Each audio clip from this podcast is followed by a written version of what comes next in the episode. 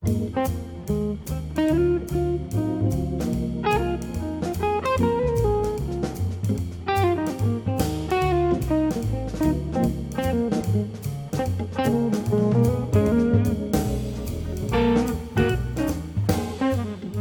aftur av Vaskaldna, hesa sendingsna og i utvarpnum vi mentanar Lion og Mellon. Og vaskalene i det, færre vi til å skaldsøvna Halver Mane, Halv Sol etter Johannes Nilsen, som mentene grunner studentafelagsens gav ut i 2022. Hentan skaldsøvan er den fjorda og senasta i røyne til Johannes Nilsen om Bramadellanar. Året Bramadellaner ljóar eksotisk, men talan er om eina familie, og og Johannes løyser fyrir det mesta heimlige bieskifte i dem og fyra boken, ta at vi meir enn så eisni er ui øron London. Bøkene heva nekvar tilsibingar til føreska søve. Den fyrsta byrjar vi mestlingasøttene i 1846, og ta hitta vi tar trutjar bramadellanar, gamla Towo, Tovau og Betto. Vi hitta eisne Laknan, Napoleon Nolse og Nils Winter, Blæstjåran og politikaran, og Og så høyra vi om laknanar August Manikus og Peter Ludvig Panum, som var jo i fyrjon og i 1846 og vette føringun laknalia hjelp. Panum gjør de eisne til at han kanna i liv i omstøvnar til føringun, med landa regnføre og bostier vidskiftene, og tog vidar vid i det nekv om liv i omstøvnar i fyrjon ta. Og i tarretøyene byrjar røyen til Johannes Nilsen om Bramadellanar, og han arbeider seg så frametter til dagen og i dag. Der fyra bøkene kallast Bramadellaner, Bomjarsta, Gjerraferren og så Halvermane, Halvsol, som vi særlig skulle vittgjøre i dag. Et ommelde hesa bøkene har vi finnet Melna Marnerstøtter og Sanne Klein. Velkomna til Bård. Takk for det. Takk for det. Halvor Mani Halvsål er 106,5 suger til langtar og er bytt opp i 14 parstar. Høvespersoneren er en som aver, Eikel Tvibor. Han er rithøvender og hever skriva til fyra bøkene som vi langt har nevnt. Eikel hever eisne vært granskåare og kommunalpolitikare. Johannes Nilsen leder Eikel Tvibor, sia og i måte endanon av hese fjore bøkene, at nu er boka verste Lodje. Lodje. Ter fyra bøkernar er i uikaste tja Eikele til ter føreske bokmentnar, og ta han sier så skilja vit at Eikel Tvibor lodvust kan vera Johannes Nilsen sjolver. Han sier at enda at nu hever han løyde meira at sia om sitt norska opphav etla om erges stovefalkene sore ui sumpa. Mellan Marnarstøtter, fekst du velbort rur at lesa hessa skaldsøvna halver måne, halv sol. Ja, det får jeg alltid til å lese Jons Nissen. Og særlig hese fyra skaldsønner har vi vært eh, for det. Eh, kanskje har vi vært minne det, så sørst sammen bor vi der først. Kan du si hvor i stått? Ja, det er noe som for meg at, at frasagnar frøyen har mist meg i USA sørst. Sanna Klein, hvordan var det her at lese hese fjore skaldsøvna i røyne om Bramadellene? Ja jeg helt ønsker at det var en god oppleving. Jeg vet ikke om jeg halte at det var en, det som mellom oss om, at det ikke er lykke spennende her. Men altså, det som jeg godstår det mest til, det var at vi tar olje, det er ikke lykke ekvislitt som det ångte er. Da. Altså det er, jeg fester med olje vi at vi tverre, uh, vi møter eldre personer, uh, det er alle tiden fokus av gammalt og nytt, altså, og holøyngar om at hvordan tingene var før, i forhold til gusti er nå, nu, og samband med liv og deia, samband med ung og eldre, og jeg har alltid nok så ølja, eller ja, faktisk rettelig avhåverst at det alle andre spiller på, på torstrønnsjene, at du hever det seg atterstøvna og i hoan og medan du lyser støvna nu. Um, ta dommer ordentlig velvigende. Ja, Mellan uh, to er professor i bokmenton og hever saman vi Tori Sigurdardøtter ledjur hånd om tvei bint om ta førske bokmenta søvna. Hette er et rettelig trivalitt og opplysande versk, og Anna Binde ligger her og bor noen hver hetta rannsøknar arbeid til hesa bokmenta søvna. Hver det møte mykje? Eh, nei, det er meira listfullt. Det er meira en stortleitje og erfarvitni etter at at finna fram opplysninger og, og, og lese seg her tekstene og versene og greina deg få at deg sett i en sammenheng. Altså, det er ikke mer spennende enn til er møtemik. Det er møtemikler. Det er alt det her vi får det gjørst helt greit til prentingar og så. Det, det er tekniska ta, men selv arbeid vi innehalten, det er, det er en regnglede. Sanna, du erst eisne bokmentafrøyngur og hever vært ridstjóri av veranum fra 2020 til 2023. Hvordan gjerst du som ridstjóri av hva er godt og hva er ringt? Jeg halte ikke gjør det selv. Um, det er gåa vi uh, okkar til det vi sådd og fløyre, som det er som gjør nu. Men um, altså, det er sånn at noen skalslige dikter som, som man dora sutja, om en person dora skriva, om det er eh skriveglener till stegar, den gott vi glädje till stegar hos man inte då så väl att formulera sig. Så det är liksom det är tvärsyner som skulle förönas för att det ska vara gott all det. Handlingar och händingar och och annat. Ja, på en måte kan det så komma göra det i först.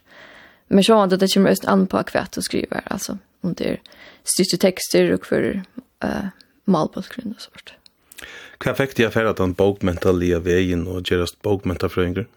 Jeg har alltid uh, haft øyne stor AHA i bokmental, og tog med øyne vel lise, og ja, faktisk tog med øyne vel grøyne tekster.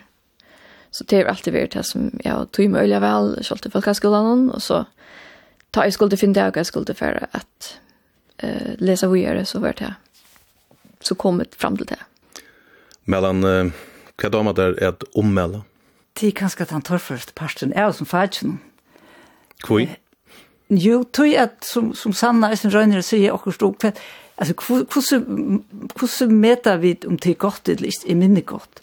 Og det er, er det er nek, vet jeg her, hva damer mer, personligen så er best å lese, og hva er som fenger meg, men det er ikke nek vi, nøkron meira objektivum tinkum kussi er hetta sett sama rikkar samansettingin av hendingun er malburin høskand passa ta til det som fer fram? Og er det for einstotta så det kjeiligt og hvis det er for eh flagrande så blir det kanskje for uh, ørvitislitt men men det er velst alltid om det einstaka verset, einstaka bogen, einstaka teksten hvordan metingen feller ut.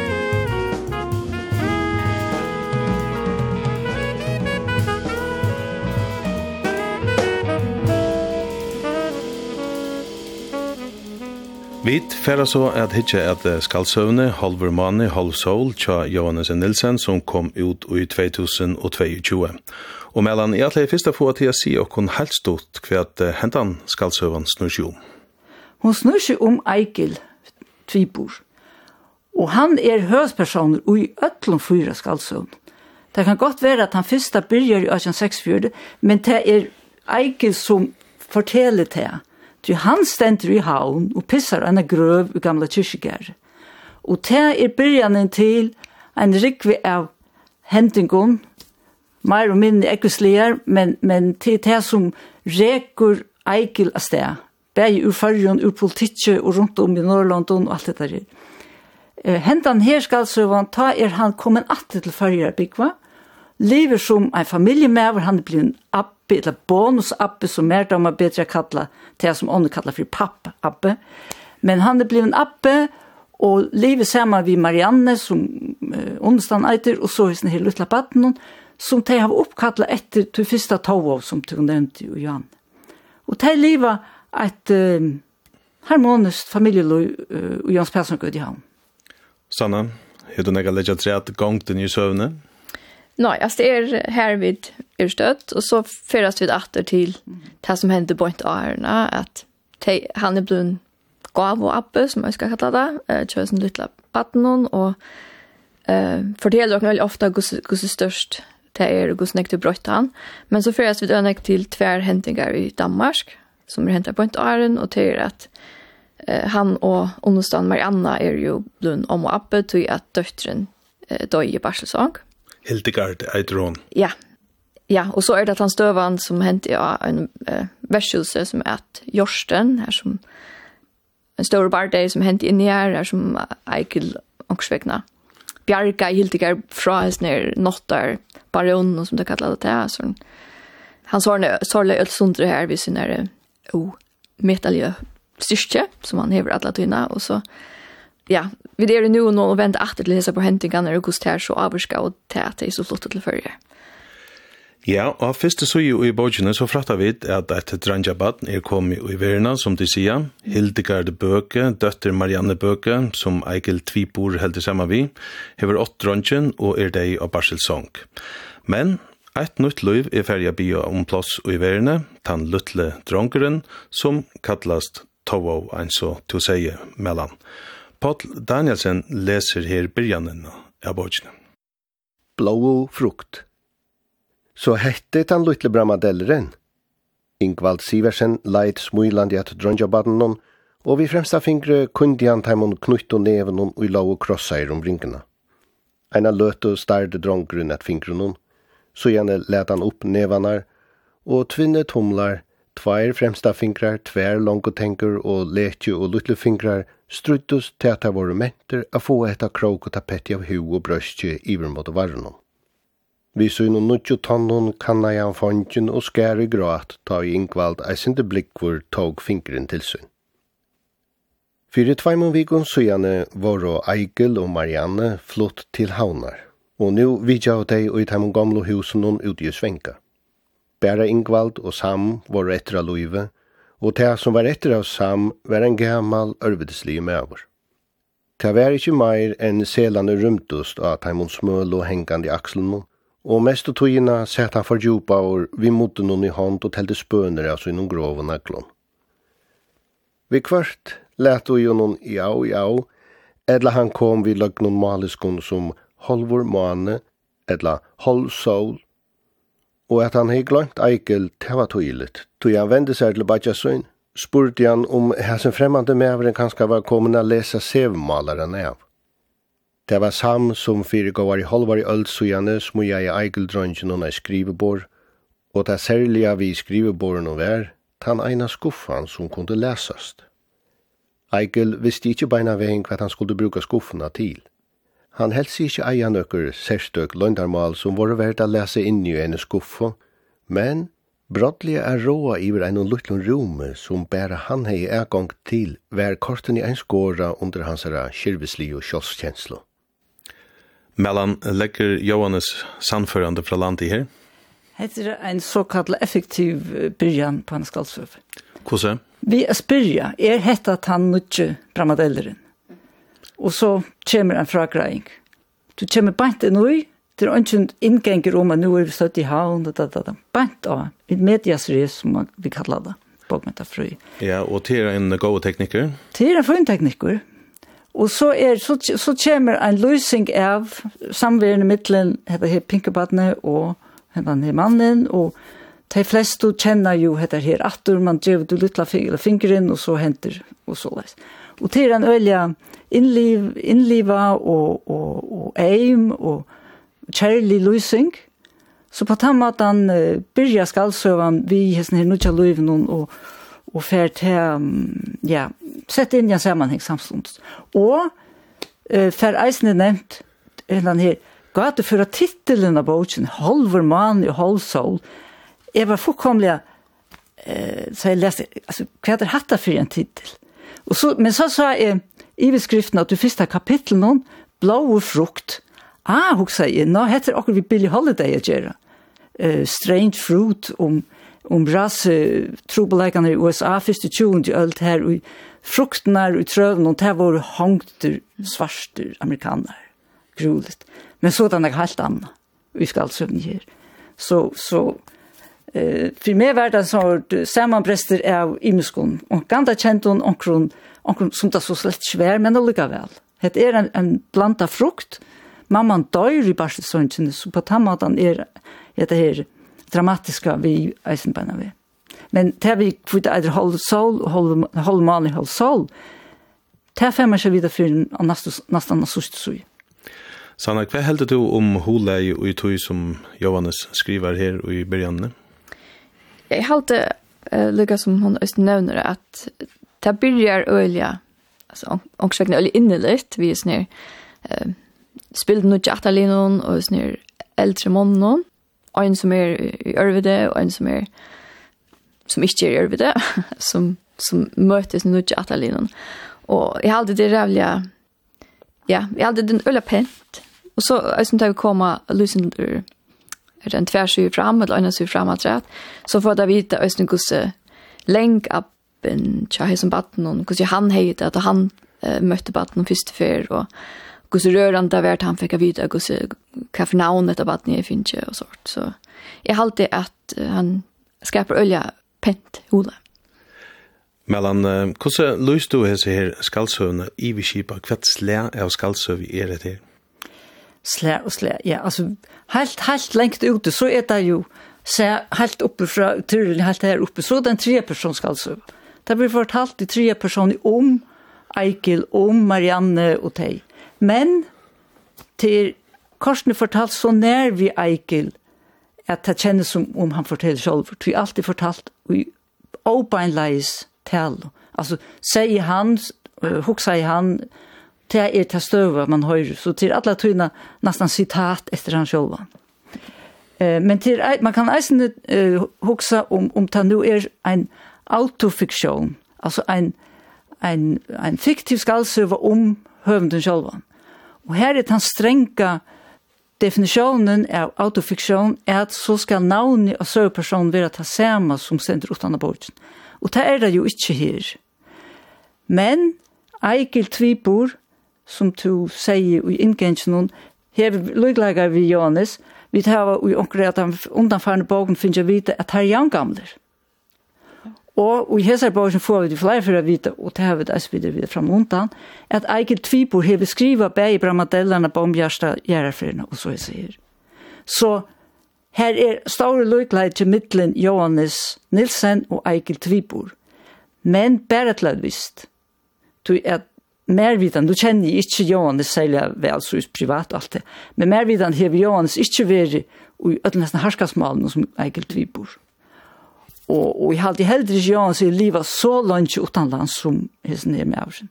Så til Lotvurst, altså rithøvendren er den samme som Eikil, men resten av Eikil er ikke Johannes. Så Lotvurst fikk autofiksjon kom. Sanna, hvordan uh, er vi skaldsøvende som helt omboer om han Johannes som vi kjenner han, da han har skrivet før? Det var som det som jeg ikke helt, da jeg leser han først før, at da helt jeg til, å, det er ikke som hinar til dømes, at vi ikke så ekvislig hendingen i Grønland, og ta det så ved en ekvislig hending som er vist av, så er det i Danmark, og er en bøkken byrger, så det er, man får ikke at det er lykke ekvislige eh, upplevelse som man får onkel Nyn och det har fortalt i små sättningar av og så tog helt i att hon luktade sig synd fra. Är det gott eller rikt? Eh, jeg var ikke. Jeg hade det det blir ikke. Men de tar väl. Då man där kanskje att Jans ikke är för exli. Nej, det Alltså men de det öliga väl glansbrödssamlaren då hon kom ut. Mm Uh, og jeg helt nemlig, her var onkre løsninger som var øyelig ekvislige. Um, og det er helt, det er ikke noe mot, jeg er dumt av, mer dumt ordentlig av.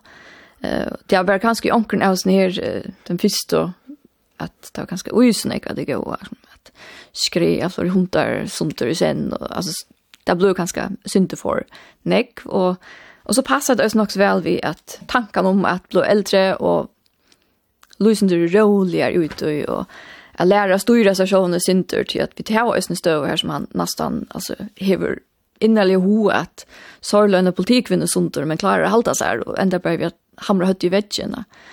Um, så det är ju att det vi att man ser en mening som som gärna skulle vara här för att det skulle vara mer blir vi vara realistiskt. Så Eikel Tvibor så kvars man eldest han han vill sin rådgivare. Eldest som vill där ja.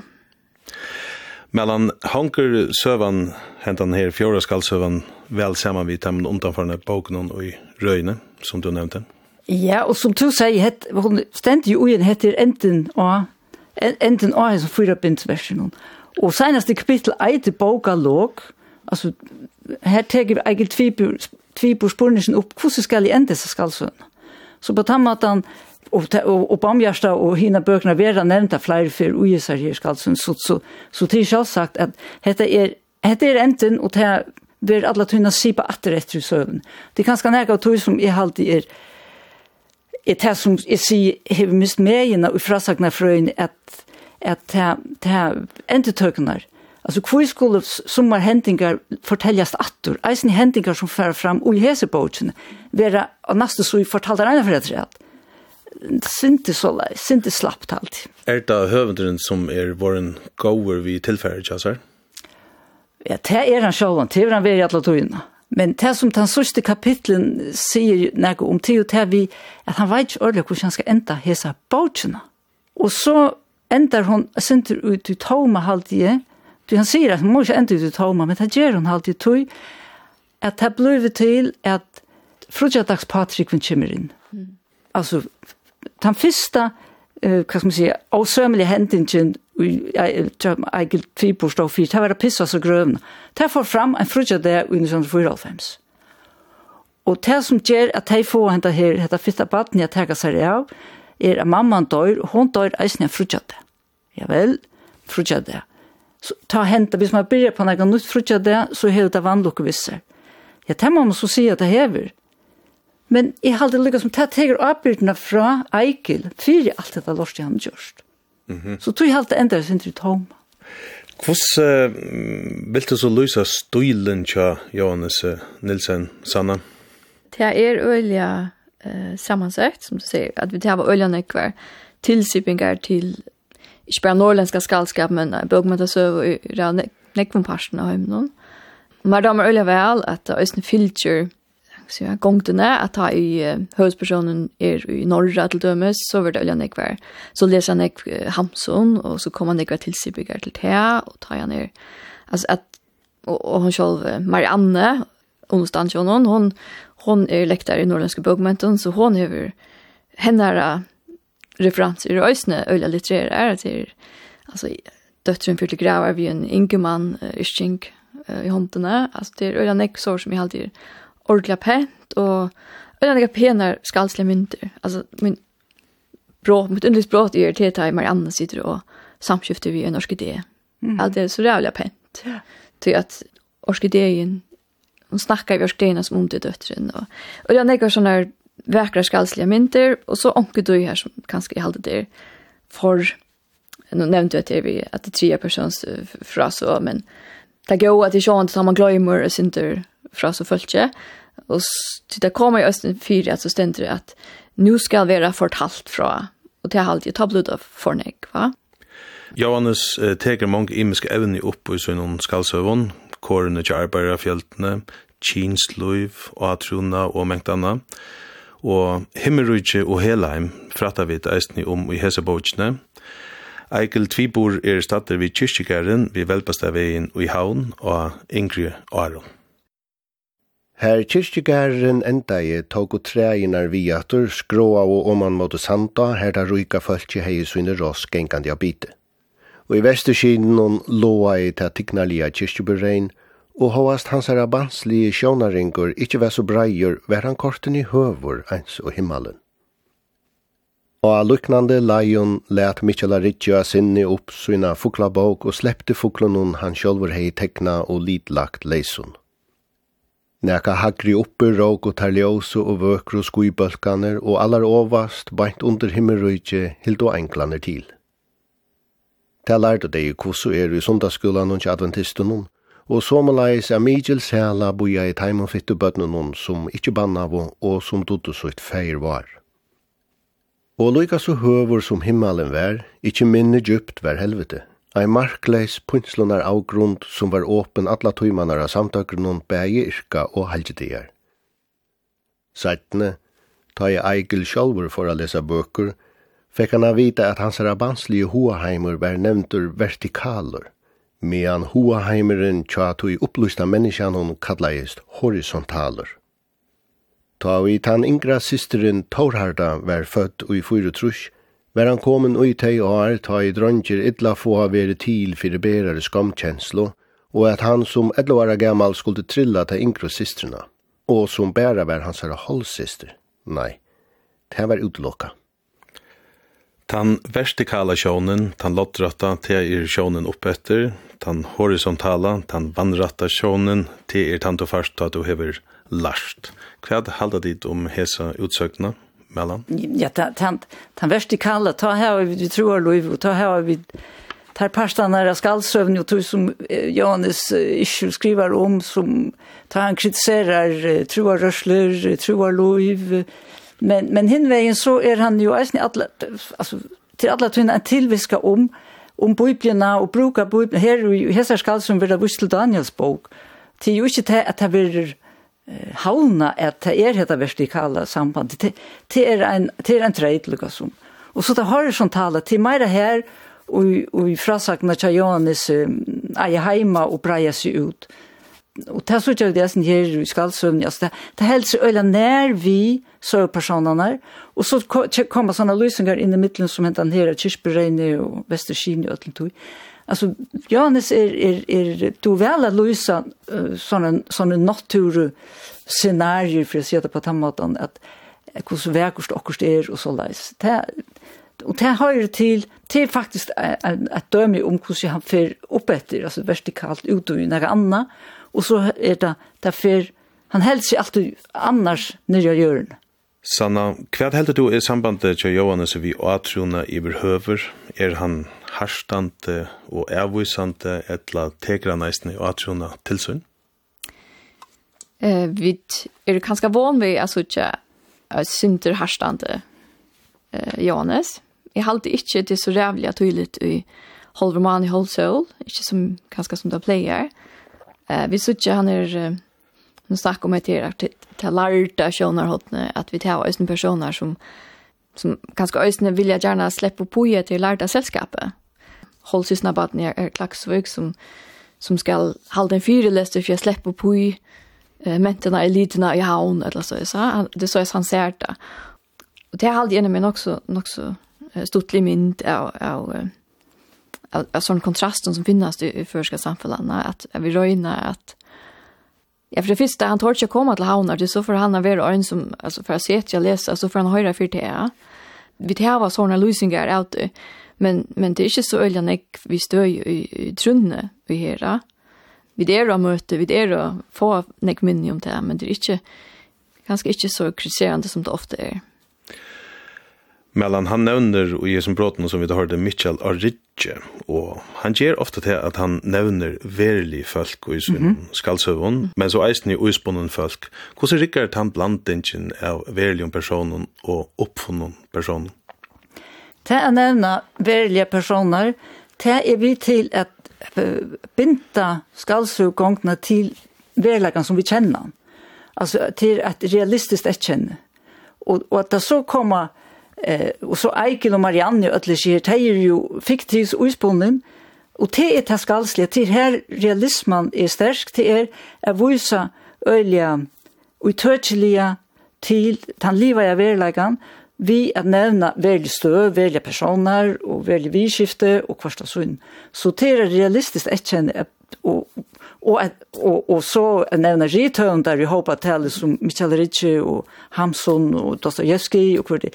Det er jo eisne jeg viser hvordan li, vel lisen han er, hessen går Eikil og er Jans Nilsen. Så her er nek imisar ut i. Eikel Tvibor, han ender ofta i herljons støvun som tid har nevnt, middel landa og i en slagsmål ja versus noen jorsten som vi høyre om ateludandi og i hese bojene og i Kjeppmannahavn. Hetta slagsmålet, ta verir hevnt, og ta oppdier Eikel ta han kemur inn og i uibusuina og i danske høvestanon, og hvordan ta Jack fyrir ta høyra vi til her. Men ta vi han åpna i uthorna henda oktoberdagen varnaist han i stundene at okkurst ovanligt var færre fram. Ta fyrsta han sa var eine 15, kanska 20 tom malinga blikk, og om alla gongina var maling slett. Vi trånen noen skumpa i han horna inn i stovene av glopp og sa beint av lesesofna her han middelen ar og det hei li og konsumera mengt bogaverskje.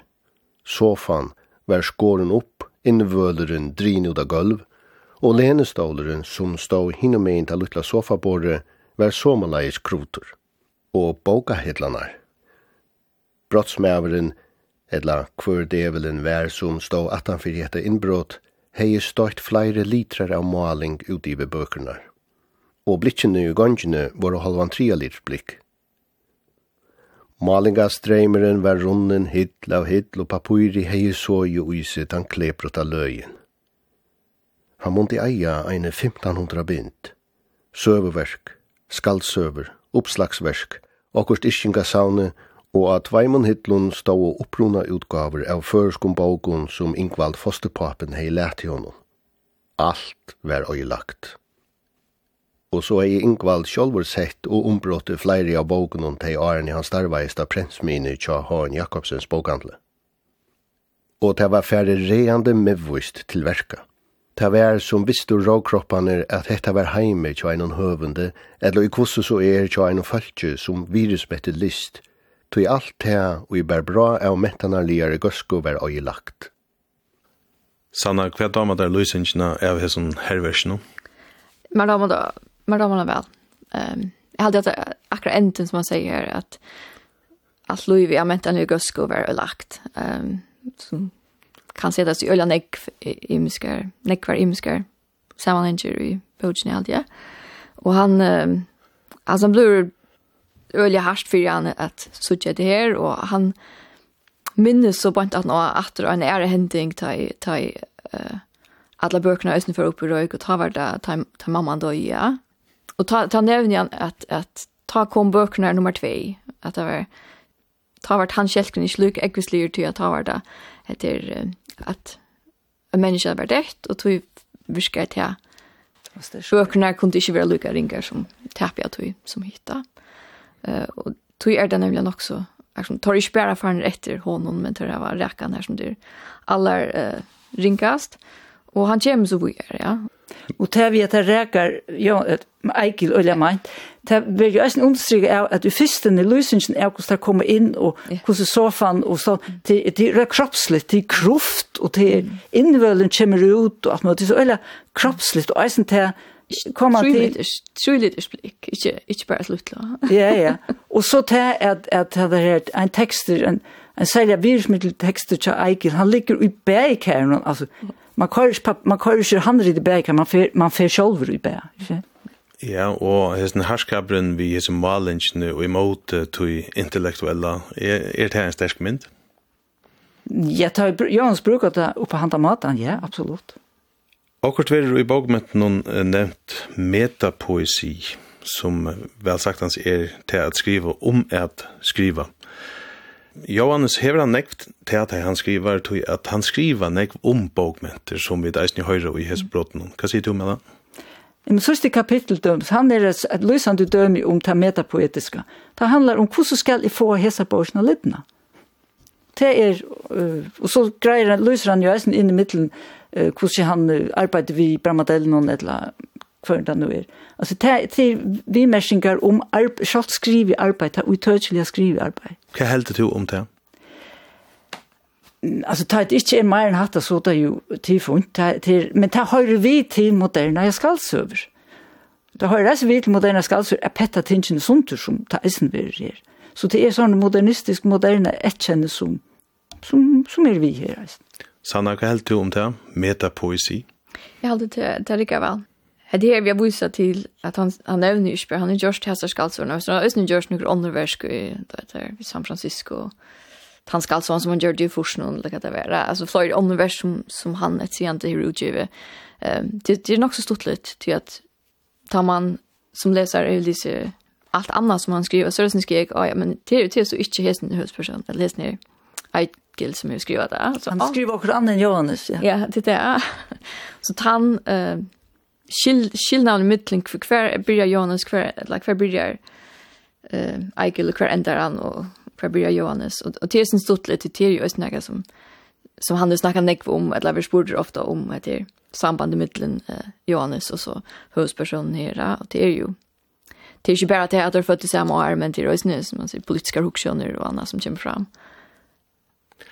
Johannes hever som tid har sagt langt nekvar tilsipingar til ærar høvendar, Jakob Jakobsen, doktor, er nevntur, Michael Ritchie, nevntur vid Janne, Christian Oswald Videre, Torodur Poulsen, William Heinsen og flere ærer eisne utlenskjer høvendar. Ein utlenskir høvendur er ta norske høvenderen Knut Hamsun, som tid nevnte, og vi høyre her et av treet. Eikel hei lise er at Hamsun skulle være avvirskaver av Nietzsche, og helst måtte han vita er at ivermenneska tankjaren tei seinast og tutsi årene av sunn og luive var raktur av salasjuko. Begge normauren og at hans iver menneska tankjaren lov og ria og av etkjene til størrlætes ørskap. Og størrlætes ørskapsens renka er ofta underluta kjensler, eggvislir brune som dukar gjennom tartun eie. Og fagir høvundar mundu hava lust just underluta kjenslenar vi større innliti enn hansum. Mæveren evna i somulægis at skriva om ta long og trappuna, hene ta sost vestra av desrygjesins og somulægis skriva han om ein lydelatnan grønan blett, her tilbær at hore undan i einingi. Mysterier var eisni ein av indusboken hun tja Marianne, og hon let eina fyrir til Markotli og vimmerkingina falla, at Hamsun og videre prester ikkje var pura olutjer. Bayer kjente seg som fremmanda menn, eller som gestur av gjør, og at akkurat tann vibrekna støvan var druvmåtteren under tarra rithøvnda virkje. Eikel sværeie at ui tui hei hon helst ratt, og han leia træt, at det som viderø heie framom Hamsun var en hodl lard barlast. Kortene var ein heilt avgjerande monor tarra middelen. Medan autodidakteren Hamsun var heimshøvendur, kunde videre neivan kallast anna enn ein lokalur føreskur kuriositeter. Sanna er hetta Johannes som i en vanligare vimersking vier i middelen imsar høvendar inne i en skalsøve. Ja, det hugsi jeg sinter. Det halte ikke ordentlig vi kunne sutja bort fra. Uh, vi det var, det var uh, person, personene avtakka seg da, men det hender allukavall vi två allt det som Marianna säger och allt det som han säger om sig det undan är kostar tåsa om bäge. Ja, bäge Hamson och vidare och om, om Nietzsche uh, och blåstren. Det är ju nog så vi vimersingar som är och uh, som pågår nog så långare än bara till ett litet universum som, som de är i utlutningar. Mellan, vad säger du? ta oj oj Johannes sätter upp Hamsun som den heimskjente autodidakten mm -hmm. Og videre som den lokale eller heimføreslige kuriositeten, så reger det Johannes Sjolvor. Så Johannes, han er autodidakt om nækker, og han er heimskjentere enn videre er. Så samanberingen fettler jo atra han som tar positiv. Men hva heldur du om at han gjør disse vimerskingene om rithundar og gjenarskalsø? Ja, men det har vi til det metapoetiske, det er vi at Jeg skal altså, han handler om sin egen uh, uikomme, sin egen skapen. Mm. Og, ta, og ut utøy arbeidene høyre er til at lese alt mulig. En erstans her, her teker uh, Eikel jo uh, Dostoyevski skal sønne uh, om han Raskolnikov inn, til han sitter av løgrettelig støyen og skal uh, forsvære seg i for seg her uh, politikvinnene. Og ta ta liksom brukar han Raskolnikov som som ett som en en han identifierar sig vid Ludwigstedt också alltså brukar som han som döm och ta Det har vi till det moderna släja av och inte ikke det til ikke i, i nødtøyne. Eh, skaldsøvn eller skaldskaper hever alltid eh, vurs till sipa till bent och annan skaldskap och hundar så. Men det, nu det blir man ikke mer virkelig pastor ui skal så gångt. Det är bara öliga omfattande. Vi får öliga längt. Alltså vi där vi mycket till havamal och så tillsymmer till Torot Paulsen. Alltså det är vi tvära jöknon alltså öliga alla bokmenta sövna i rövra och då är det är det här ju en höjd dimension att träat ut sövna Ja, vi skulle höra ett brott att träat och detta brott eh, torja sia är klassiskt Johannes Nilsen. Det som først og fremst drog han var et sangkår og særlige gentenar som sunko i kåren. Onkra tarra kjendi eigela sinde fra real eller studentaskulan hon? Nei, fra studentaskulan hon kom det av vera. Tui tei årene var det her sjoltan innskrivajar av hakre lærestånden. Og i er var det her ørvuse enn æra jenter, det var svinnare, to fekst sådant egna sambandvittar, og just det gjør det der så landarfotlar og ahåvertar. Ter ginko i kjusten i knøyene, og trotjenar var og knappa her for og punter øse. Og åttan av vita da gitti han, at her eisne mundu veru i bomullstrosson og i rukko er godt pette nian av budgen. Brottliga kulsa han vid tankan om kinsharene, som kom undan elastikken og sjølvan de enka og bøkkan er et lydevet av halgon modjarlandet. Og i frakkon av Ebenezer-trappene var der som eit li av indesli og kerubon, Varranar som frambar og sanjen var og alitisvetjande, og Eikel var visser ui at tarra vat og munnhåler enga og fruskliga og så strala og egini av reinare tryggv. Mellan ta Johannes fyrir under belte, hva dama der han ta? Hatte jo mest kjemtelig. Og, og det som det sier meg til er at det betur uh, ein kvinnekropper er uiladen jeg sutja til tja noen manne som er jessior og mm, vil nok helt anna. Um, tess uh, løyligere er, er, er hoksaninnar om hva det er inni omtrøtlen for klæon. Altså, nakna kvinner til er ikke veldig spennende, men kvinner i sindra klæon, nøkken klæon og fullt uilatna, det kan være nekmere spennende. Sanna, hva heldt du om en sånn løsning som er det? Ja, Jeg heldt jo også noen Jeg hade en ordla skik. Ehm Hon er ikke lykka, nu nevnte jeg at jeg halte ikke at det lykka ekvislige løsninger som til dømes. Så jeg, det er en sånn løsninger og uh, en støv i istegade, en glory hole mm. i uh, glansbildet som er ølja. Yeah. Ekvislige, ja. Uh, Hepene følger mer at det er stort litt. Det er, det er så ølja stort litt løsning av sånn jenten som er så uh, åpnøylig er, og så, uh, så blir det mer og mer spennende og fyrir unge teenagerne at Det är roligt. Ja, det er roligt ska jag kallt. Ja, det är sånn tannåringa fantasi. Ja. Ja, Johannes kan vara nok så ekvislir vi kvørst ta han åra seg. Jeg halte med han to nevnte i samband vi bombhjersta og sinne at uh, ta var jeg synder om mannatrekk og land og alt mulig tøylukt eisene. Og jeg leser et ommeldet som Bergljot og Skær, jeg har skrivet om første bramadellene, første bogene, og at han narskaist smakløysen hon. Hva held du om det? Til et slæ av tekster som man kallar for groteskur. Grotesk realisme at, at hun valka seg i sånn kroppslighet, og særlig så som kommer ur kroppen og inn i kroppen, kroppsåp. Og det er, jeg vet ikke om det er smakløst, men det er, nu, nu stender det her. Så til en, real, altså, til, til en realitet er at det stender her, og og hvis uh, tannar grinn eller kvar det nu er og mynda seg alt det der ja men kvar ikkje høyr runda. Og sanna kva heldur du hevur Johan så verið vitla brota tabu og í førskum bókmenton og på enda matan? Ja, det hevur han halt sigurst. Det er det halde det fleste samt om til det er jo han skriver om nokre ting som som andre ikke har gjort på samme måte, og han skriver det i, i prosa, vi, vi kjenner det at vi pjøs ikke tolker oss fram til det, og, og altså, vi först det jo vara vi olja tog för er kjelka okkona. Men men her er vi kommande liksom nere i hjørnet, vi det er helt annet sted i Holman i Holvsøl, har vi huksa. Mm -hmm. Tid av henne, den den vinnelovsmannen Norran 4, han heter Hans Frøyrykker Varberg og i søvn her, som Johannes skriver om, Han uh, kipar fyri at reisa en standmynd i Mula av i Hansen, rithøvend noen som skriva i bogaverskje «Te land».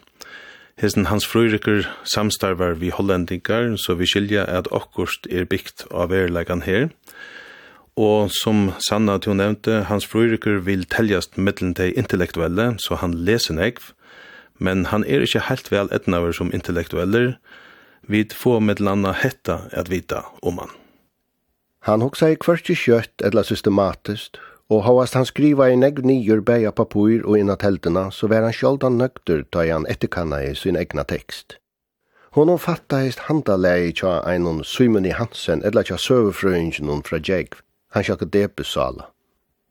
Ta helt han jöllum föru. Ta neit han at setningan er trut og løying, alt og ofta set han vi underluda kjenslun oppi ivisunnen egnu åru. Gamanoi Okkur kunde brukast, og hei han veri ei sinte jarvare kunde han vust omkron i åtte metingar forlega einar tver trudjar prentajar av fyra svir. Men det hatt han ser ikkje, etla beinare, han kjendi ongan som han verilega tordiga leta seg oppfyre. Kanska fyre bandomsvinen hon eigele tvipor, men tei arene bo i eigele i Kjeppmannahavn, og han visste at at du i bokmentalia økjennom tåka sin hølgrunn og ergestovu se ikkje rattliga fyrir fullt. Ein tanke som han onkuntui spalte seg vi vera færre og lise søvu vi fråskaparset i haun. Ta heian i kvosse så er kunna last seg søvefrøylet handverk, metodologi og at han færre kjeldetilfær meira neft. Sanna, her lyser han en vinneløs mann i Klaksvøk, får vi da vita som vil være intellektueller. Mm. Er dette en parodi, eller sarkasma? Ja, det håper jeg det er uh, løsningen av sin mannen som så gärna vill släppa på i uh, öliga underlåda kjensler som vi såg att han hever. Um, så bara med att det är parti på vinnlös mannen i Klagsvik. Men uh, til östene är en så stortlig kritik ut i att uh, han fer inte kvønn som helst ved og just nu intellektuelle strepan. Han vill gärna uh, halda en sysölig anfyrläster till föringar uh, genga så reall högt upp i det här till det som vi ödler ordentligt ser ju. Uh, han sier nu Örnar Fröjer at uh, han teker så døm om, om böt som er skraset i, i kyrkböken og så sier han at uh, er det skraset i kyrkböken tog er det til. det ölja stuttliga sammanbäringar om vi VTA och att man teker tandutningen fram uh, så det är ösne tand tandvägen som vi alltid kritiken för det sen. Ja, mellan. Här som pastoren i Skalsön, här som länge kapitlen om eh, Mulatorne, som stender er i helt. Han fortalte helt ørvus enn alltid. Mm. Så her har vi regna tre persons frasøgn. Altså det er til en, en helt vanlig sipunten frasøgn, det har fortalt og fortalt og fortalt om alt det der. Og, og, og ironi, her kan ironien komme inn, altså det her spice spice him. Uh, og i öll hinum resten av bogen her er det alla tuna seie han seie hon helt han etter her åpenleis talan, her får vi regna frasøk, ferdig. Teksten er helt ørvus i her. Og rikket han teksten vel? Han rikket reisende vel. Men, og, men hva det her, vi at i skriva og skriva og kyrkjebøysen, altså er det, er en parodi alltså på en kjentan filosof, nemlig ja, ja. Descartes. Koget og ergo som, i husker altså er det. Mm. Jag sier det på en tatt, i førjen heit han utgaven så er det i stand i kyrkbørsen tyr til det. Og det er ikke så ræva. Men at det er vi, vi er helt han parsen ble for lengur til det stand der. Uh, Fyrlestren John, han ble bare via, og til oss som med på en han får han kan enda at han fyrlestren. Men uh, mian tar sida lusta, lorsta, og mian det var alt det der hatt i alt, så sitter det eitiløsning og eggløyer til som serverer, hine følelsen som er, hver det som tekster av utlån, og så sier han akta nudja, før skal han sier understaten, er ikke det man sier? Jo, att det er, det är thailändska kvinnor eller filippinska som serverar som eh uh, och så er är det nek tydelig tydliga startar samfället här här norr ja Et poeng i her som parsten er eisen til at hessen her norring klakse singren sjálfur, fyrverandi etla nuverandi uh, brøra meinighets uh, limer. Han spyr, hvor er ønsker store rithøvendar ur Norrøyden? Ja. Lukas som, no? Ja. Men hva halda tid om dette her? Er dette her en avvisser personlig kritikker til rithøvendan og motvis en avviser steg i fyrjon? Til noe stedsett i Klaksvig, til stedsett i Mula, til en personen er klaksisinger, er en stor reiere, mm. samkommelimer, og så videre. Det kan godt være til er portrettet av en viss som klaksisinger, det skal jeg ikke men, men hatt er, hatt er en skadeslig måte at um, ut inna samfunnskritikk. Hvis det er Østen tar som fyrvør så eltåer, han nevner jo ikke noen sjanger, men en sangbøsker fra Klaksvøk, fra Forsnån, som nu syns jag där inte om förra morgonen, nu sitter där jag är nämnt under kao och allt det som det gör att nu är det slett släcke, alltså tantanchen om uppröstar hornen bara blir bli väcka, att man blir äldre. Så. Det här ser kritiken för båda läger, yeah. alltså både till det tryggvande och till eh ja. som før var så venstrevendt. Ja. Det sitter vel sagt han ikke i nevnten i Jokka, men onker er det henne. Ja, det nevnte, blir nevnt, det sitter i nevnten i fotbollsfelleren og sånt.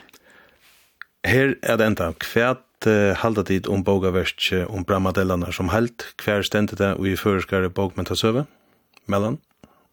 Det stendet framalig, ja.